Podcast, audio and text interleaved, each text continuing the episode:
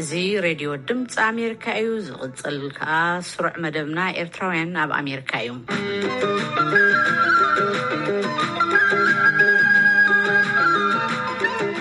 ኣብዚ ኣብ ዩናይትድ ስቴትስ ንሸሞንተ መዓልታት ብርሕቐት ክካየድ ዝቐነየ ዓመታዊ ፌስቲቫል ኤርትራውያን ዝሓለፈ ቀዳም ተዛዚሙ ኣሎ።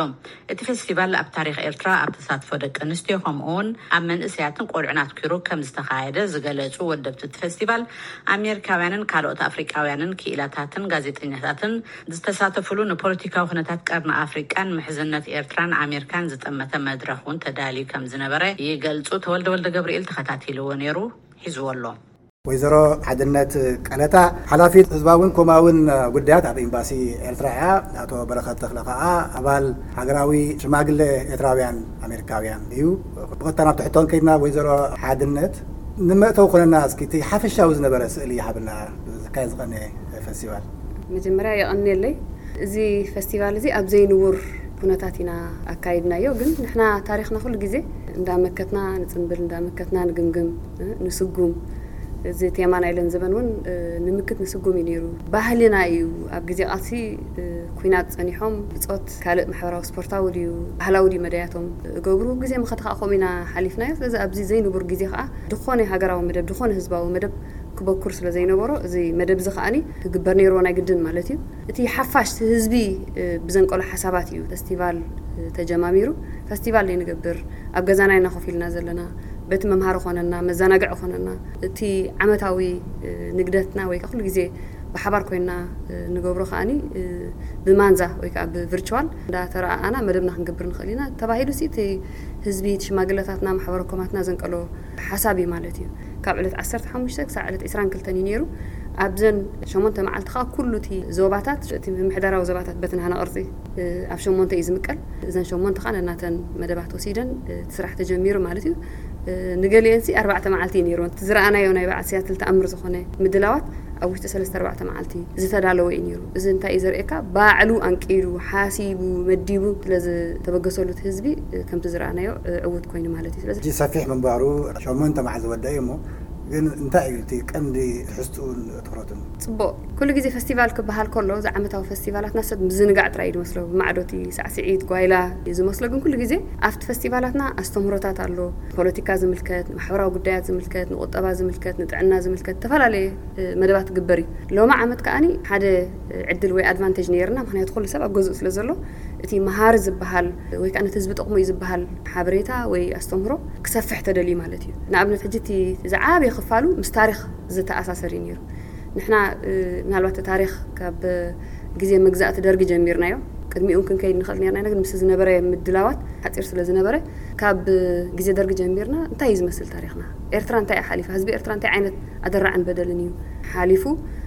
እዚ ከይርሳዕ፣ ምኽንያቱ ዝኾነ ወለዶ ታሪኹ እንድሕር ደኣ ረሲዑ እዩ ሕድገት ወይ ኮምፕሮማይዝ ዝገብር ኣብ ዕላምኡ።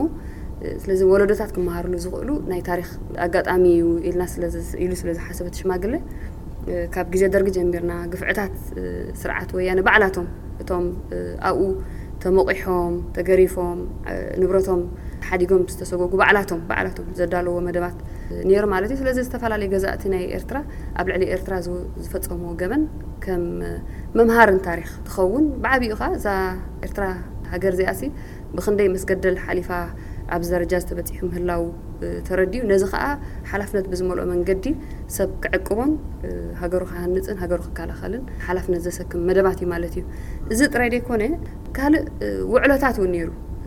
ደቀንስትዮና፣ ጀጋኑ ደቀንስትዮና ኣብ ታሪኽ ዘበርከትኦ ፍሉይ ዝበሃል፣ መቸም ናይ ኩሉ ህዝቢ ኤርትራ ታሪኹ ፍሉይ እዩ፣ ግን ሓደ ሓደ መርኣያ ወይ ሳምፕልስ ተወሲዱ፣ ናይ ደቂ ኣንስትዮ ታሪኽ ኣብኡ ክንጸባረቕ ተፈቲኑ እዩ።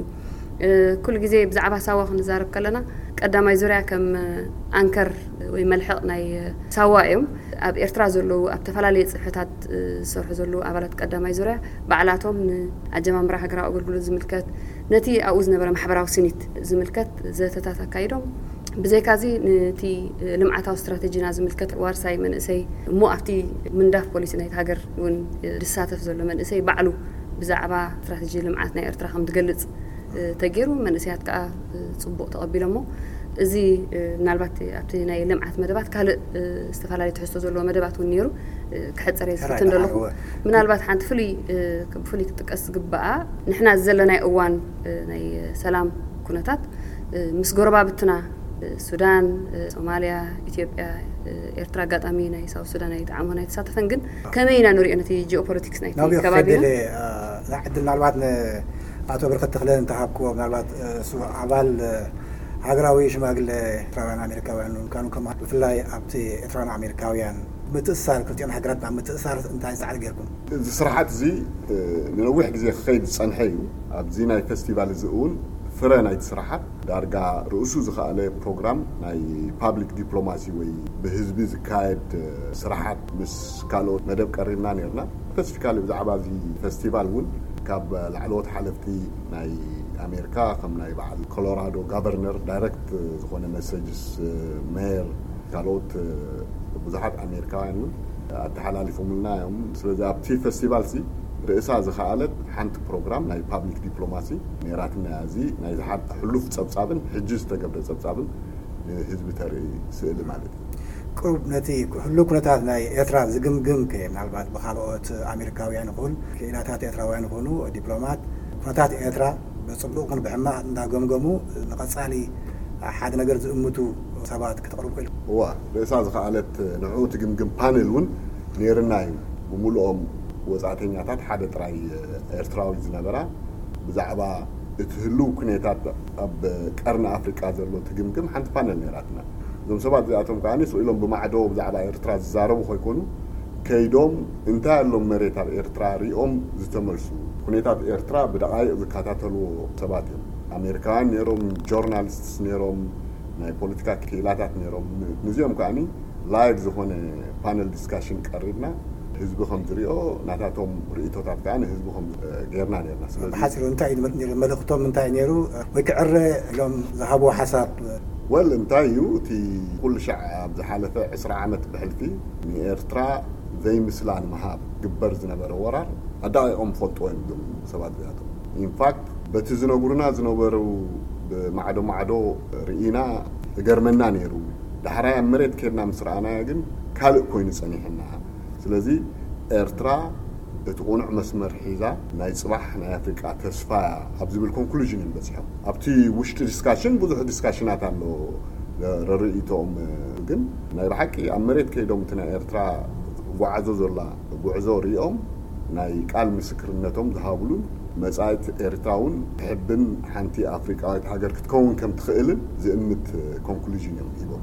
ሕራይ ናብ ሓድነት ክምለስ ኣቐድም ኣቢልኪ ምናልባት እዚ ከም ሳዕሲዒትን ዳንኬራን ጥራይ ዝመስሎ ሰብ ኣሎ ኢልኪ ኔርኪ እሞ ምናልባት ካብኡ ዝሓለፈ እንታይ እዩ ነይሩ ብፍላይ ታሪኽ ክትነግር ከለኻ ታሪኽ ትነግሮ ግን ናብቶም ንኡስ ወለዶ ንኽሰጋገር ንኽሓልፍ ዘይኣረገ ዝቕጽል ህይወት ክህልዎ ንዝቕጽል እቲ ታሪኽ ብፍላይ ናይ ቁልዑት ብዝምልከት እንታይ ፍሉይ ነገር ነይርኩም? እዚ እዚ መደብ እዚ ብሰለስተ ቋንቋታት እዩ ተዳልዩ ትግርኛ ብዓረብኛ ብእንግሊዘኛ ስለዚ ከምዚ መን እዩ ማለት እዩ ሰብሲ ነናቱ ድሌታት የልዕል ማለት እዩ ሕጂ እቲ ኣብቲ ንህጻናት ወይ ከኣ ንመንእሰያት ኢሉ ዝተዳለወ መደብ ብሓፈሻ እቲ ታሪኽ ናይቲ ኮሚኒቲ፣ ታሪኽ ናይቲ ሕብረተሰብና፣ ሓይሉ፣ እቲ ናይ ናይ መኸተ ሓይሊ ናይ ህዝቢ ኤርትራ ዝገልጽ መደባት ቀሪቡ ነይሩ። ልዕሊ ኩሉ ግን ኣብዚ መደብ እዚ ሓደ ተምሳጥ ዝፈጠረ መደብ እንታይ ነይሩ፣ ህጻናት ኣብ ኣሜሪካ ተወሊዶም ዝዓበዩ፣ ገሊኦም ከኣ ኣዝዮም ንኣሽቱ ኤለመንታሪ ሃይ፣ ጁንየር ሃይ ዝመሃሩ መንእሰያት ብዛዕባ ኤርትራ ዘለዎም ፍልጠት፣ ምኽንያቱ ኣብቲ ማሕበረ-ኮማትና ቀጻሊ ስለ ዝመሃሩ፣ ምስ መምሃራኖም ኮይኖም ብዛዕባ ኤርትራ መግለጺታት ኣቕሪቦም ነይሮም። ስለዚ እቲ ንነዊሕ ኣብ መስርሕ ክመሃርዎ ዝጸንሑሲ ብግብሪ ኣብዚ ፈስቲቫልዚ ከርእይዎ ፈቲኖም ማለት እዩ። ከም ፍሉይ ምናልባት ክጠቕሳ ዝደሊ ደቂ ዓሰርተ ሰለስተ፣ ዓሰርተ ኣርባዕተ፣ ዓሰርተ ሓሙሽተ ዓመት መንእሰያት እዚ ናይ ጂኦግራፍያዊ ናይ ሓበሬታ ሲስተም ዝበሃል ብዛዕባ ኣብ ኤርትራ ዘሎ ኣኽራናት፣ ኣብ ኤርትራ ዘሎ ዲጋታት፣ ክንደይ ማይ ሒዙ ኣሎ፣ ክንደይ ቤት ትምህርቲ ኣሎ፣ ወዘተ ዝብል ኣብቲ GIS ኣእትዮም መግለጽታት ኣቕሪቦም። እዚኦም ቆልዑ እዚኣቶም ሕጂ ኣካል ናይቲ መስርሕ ናይ ታሪኽ ምስትምሃር፣ ባህሊ ምስትምሃር፣ ናይ ቋንቋ ኣደ ምስትምሃር ኣካል ዝጸንሑ እዮም ማለት እዩ። ስለዚ ምናልባት ኣብ ሓንቲ ፈስቲቫል ጥራይ ምሂርካ ትሓልፎ ነገር ኣይኮነን። እቲ ማሕበረ ኮማትና ቀዳማይ ስርሑ እዚእታት እዩ ማለት እዩ። ስለዚ እዚኤን ከም ምናልባት ከም ብዙሕ ተምሳጥ ዝፈጠራ ንህዝቢ እየን። ናይ መንእሰያት እውን ነይሩ። ኣብዚ ማሕበረኮም እዚ ተኾስኲሰን ዝዓብያ ደቂ ኣንስትዮ፣ ብፍሉይ ደቂ ኣንስትዮ ዘቕረብናየን ኣብ ክልተ መድረኽ ነይረን። ኣባላት መንእሰያት ህዝባዊ ግንባር፣ ኣባላት ሕድሪ ኮይነን ሕጂ ከኣ ዓበይቲ ነጋዶ፣ እዚ ንስሎሞ ንገብሮ ዘለናን ሻሽ ኣብ ምሉእ ዓለም ዝግበር ዘሎ፣ እዘን ንዕኡ ዝገበራ ደቂ ኣንስትዮ እዚኣተን ንንግዲ ኢለን ኣይሓሰብኦን። ከመይ ገይረንሲ ኤርትራ ናይ ኤርትራ ባህሊ፣ ናይ ኤርትራ ታሪኽ ብስልማት ኣምሲለን፣ ብመጎልበብ ኣምሲለን ንኤርትራውያንን ዘይኤርትራውያንን የላልያ ኢለን ዝጀመርኦ ሕጂ፣ ኣብ ሙሉእ ዓለም እቲ ኣቑሑተን ይሽየጥ ኣሎ። እቲ ዝገርም ክፋሉ እንታይ እዩ? ኣስማት ናይቲ ቑሑት፣ ኣስማት ናይቲ ቑሑት ሓቦ፣ መንነት፣ ኩሉ እቲ ንዓና ከም ኤርትራውያን ደሕብነና ኣስማት ኣብኡ ስያመታት ሂበንኦ ኣለዋ። ስለዚ ኣብዚ ተወሊደን ዓብየን እሞ ብዛዕባ ሃገረን ብዛዕባ እቲ ታሪኸን ዘለወን ክብረት ብዛዕባ ባህለን ዘለወን ክብረት እሞ ከኣ ንህዝቢ ኤርትራ እቲ ቀዳማይ ክብርታት ዝበሃል ወይ ቫልዩስ ንዕኡ ክገልጻ ምኽኣል ማለትሲ ናይ ብሓቂ ዘሕብን ስለዝኾነ ኣብዚ ፈስቲቫል እዚ ባዕላተን ክዛረባሉ ክኢለን እየን ማለት እዩ። ሕጂ እቲ ኣብቲ ህጻናትን መንእሰያትን ክግበር ዝጸንሐ ስራሕ ፍርያቱ ፍሪኡ ዝረኣናሉ መደብ ኮይኑ ይስመዓካ። ስለዚ ብሓፈሻ ክድምድሞ እንተደኣ ኮይነ ንቴክኖሎጂ ዝምልከት መንእሰያት ዘቕረብዎ መደባት ነይሩ። ንባህሊ፣ ንንግዲ፣ ቀይሕ ባሕርና እንታይ ይመስል፣ ሃብቲ ባሕርና እንታይ እንታይ እዩ እቲ ኣብ ኤርትራ ዘለና ጸጋታት፣ ንዕኡ ንምውሓስ ንዕኡ ንምክንኻን እንታይ ክንገብር ንኽእል፣ ኣብቲ ዞባታትና ተሳቲፉ ዘሎ መንእሰይ፣ ተሳቲፉ ዘሎ ሰብ ነዚ መደብ እዚ ከቕርብ ክንደይ ጸዓትን ክንደይ ሰብን ተሳቲፉ ከም ዘሎ የርእየካ ማለት እዩ። እዚ መደብ ኣይተዛዘመን ዝመጽእ ሶምን ክንምለሶ ኢና ክሳብ ሽዑ ግን ነጋይሽናን ንተወልደን ኣዝየ የመስግን በዚ እምበኣር ናይ ሎሚ ሓፈሻዊ ምድላዋትና ፈጺምና ኣለና ምኒ ኣፍወርቂየ ምስ ኩሎም መሳርሕተይ ካበየ ኣባይትና ጽባሕ ረቡዕ ክሳብ ንረኽበኩም ሰላም ደሓን ሕደሩ።